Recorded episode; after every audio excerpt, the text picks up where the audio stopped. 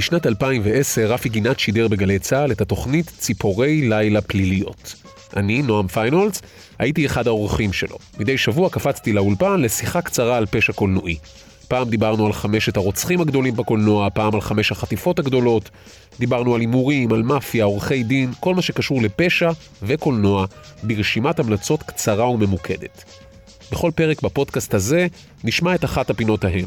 נכון, חלפו עשר שנים, ומאז יצאו הרבה מאוד סרטים טובים, אבל הקלאסיקות עדיין שוות צפייה. זו לא ביקורת קולנוע, ופה ושם יש גם ספוילרים, זו בעיקר רשימת סרטים, שבעיניי שווה לצפות בהם. שוב. אתם על פלילי ליסט, פשע קולנועי במנות קטנות. האזנה וצפייה נעימה. מאז ומתמיד נקשר עולם הפשע להימורים. מצד אחד הפושעים אוהבים להמר, ומצד שני הם גם הבעלים של הקזינו. ואז הם המרוויחים הגדולים של תעשיית הז'יטונים. נועם פיינהולץ מספר לנו הפעם על חמשת סרטי ההימורים הבולטים בתולדות הקולנוע. לילה טוב, נועם. לילה טוב, רפי. בוא נתחיל עם קלאסיקה אמיתית, ברנשים וחתיכות. הסרט הנפלא ההוא, מרלון ברנדו, פרנק סינטרה בתפקידים הראשיים. אז נזכיר ככה בקצרה את העלילה. ברנדו משחק את אה, סקאי מאסטרסון, שהוא שובר לבבות אמיתי כזה. איש קצת מלוכלך שמתאהב פתאום במיסיונרית תמימה, זכה וטהורה, וסינטרה הוא נייתן דיטרויט. איזה פצצה, ג'ין סימונס. כן, זכרה לברכה, נפטרה ממש לפני כמה חודשים. כן. וזהו, סינטרה שמשחק, אתה יודע, מהמר כפייתי כזה, שהוא כבר מאורס, מארגן הימורים, הוא מאורס, וכל מה שהוא עושה כל הסרט זה לנסות להתחמק מארוסתו שרק רוצה שהוא ישים לה טבעת ויתחתן איתה.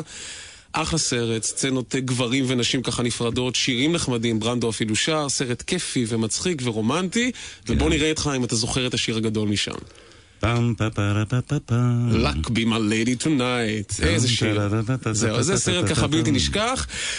לא אפל מספיק בשביל סרט הימורים, אבל כיפי למי שאוהב מחזות זמר. המהמרים הבאים שלנו משחקים לא על קלפים, אלא על שולחן ביליארד. וזה בעצם שני סרטים.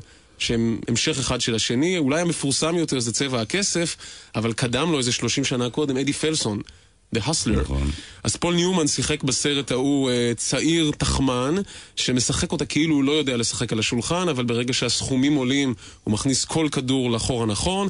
והסרט הראשון, ההוא משנות ה-60, קצת כבד ופילוסופי, והוא מאבד שם הכל.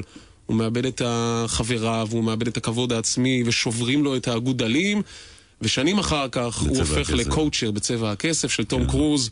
עוד בחור יהיר ושוויצר שחושב שהוא המציא את העולם. זה סרט שסקורסזה עשה, קצת יותר מלהיב וכיפי. לא יותר טוב מהראשון, שווה לראות את שניהם ביחד, אם יש ככה יום לראות ברצף את פול ניומן מתבגר על המסך. אז זה ביליארד. הסרט הבא מבוסס על סיפור אמיתי. חבורה של מהמרים שלימדה את עצמה לספור קלפים בבלק ג'ק. סרט שנקרא 21, קווין ספייסי משחק שם פרופסור למתמטיקה, והוא מלמד את הסטודנטים שלו לספור קלפים, יש שם סצנות נחמדות נורא שהם עומדים מול שולחן הבלק ג'ק, מסמנים אחד לשני, מרמים ביחד את הדילר. הוא היה הרעיון... סטודנט- הוא היה סטודנט גאון הרי בסטטיסטיקה ובמתמטיקה. בדיוק. בבלק ג'ק, אם אתה סופר וזוכר את, הקלפ... את, הקפ... את הקלפים, וזו תופעה שקיימת גם היום, יש כאלה שלא נותנים להיכנס לקזינו בגלל זה. אם אתה זוכר מה ירד, אתה יכול לחשב על מה להמר. כן, אני מודה שבסרט זה נראה נורא פשוט. לא. אני ראיתי את הסרט פעמיים, אחרי פעמיים הנחתי שאני כבר יכול, אבל זה כל כך מסובך. צריך מוח כל כך מורכב כדי לעקוב אחרי זה. אגב, קווין ספייסי, זאת אומרת, הדמות של הפרופסור באמת באיזה בלקליסט כזה. אסור לו להיכנס לאף קזינו בלאס וגאס, והוא חוטף שם מכות מאוד רציניות. סרט שמוציא את המתמטיקה כדבר סקסי, שווה. עכשיו סרט קצת פחות מוכר לחובבי הפוקר, שני שחקנים מעולים, מאט דיימון ואדוארד נורטון, מקצועני פוקר שמתפתים כל הזמן בחזרה אל השולחן. אחד, מאט דיימון כבר הפסיד את כל הכסף שלו לאיזה מאפיונר רוסי, אבל הנה פתאום החבר שלו יוצא מהכלא ומפתה אותו לעוד סיבוב אחד על שולחנות הפוקר. זה סרט שכיף לצפות בו, אבל אם אתה, אתה יודע, יש המון חבר'ה היום בארץ שמשחקים את כל ה Texas Hold'em ומשחקים פוקר אחד עם השני. אתה יודע שלא אמרת את שם הסרט בינתיים. אני כל הזמן מחכה. הימור. אחרון. או, יש איזה תרגום שמעתי מוזר, Rounders, ראיתי. כן, סרט קצת. קצת אלמוני, למרות שהוא יצא גם בתרגום לעברית, שווה בעיקר לחובבי פוקר, שיודעים מה זה royal flush ו flop ו big blind וכל הקשקושים האלה. וסרט אחרון שככה הכנסתי לתוך הקטגוריה הזו של סרטי הימורים, הוא לא ממש סרט הימורים. הוא סרט מלחמה, מופת אמיתי, אבל יש בו את סצנת ההימורים אולי הכי מזעזעת אה, בתולדות הקולנוע, רולטה רוסית, מלחמת וייטנאם. צייד הצבאי. צייד הצבאים.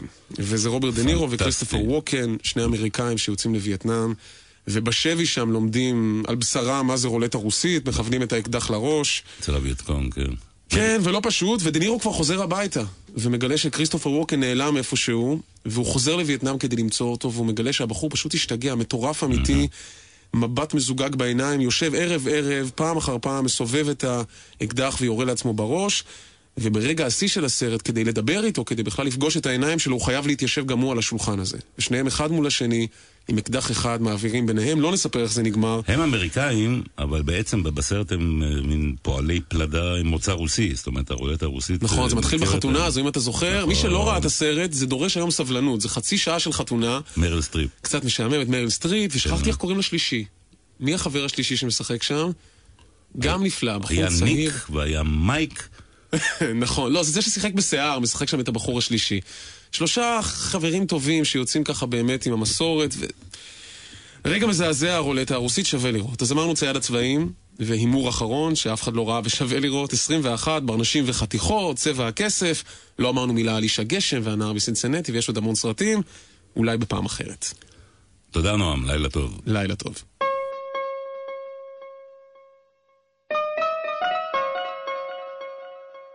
פליליליסט, פשע קולנועי במנות קטנות.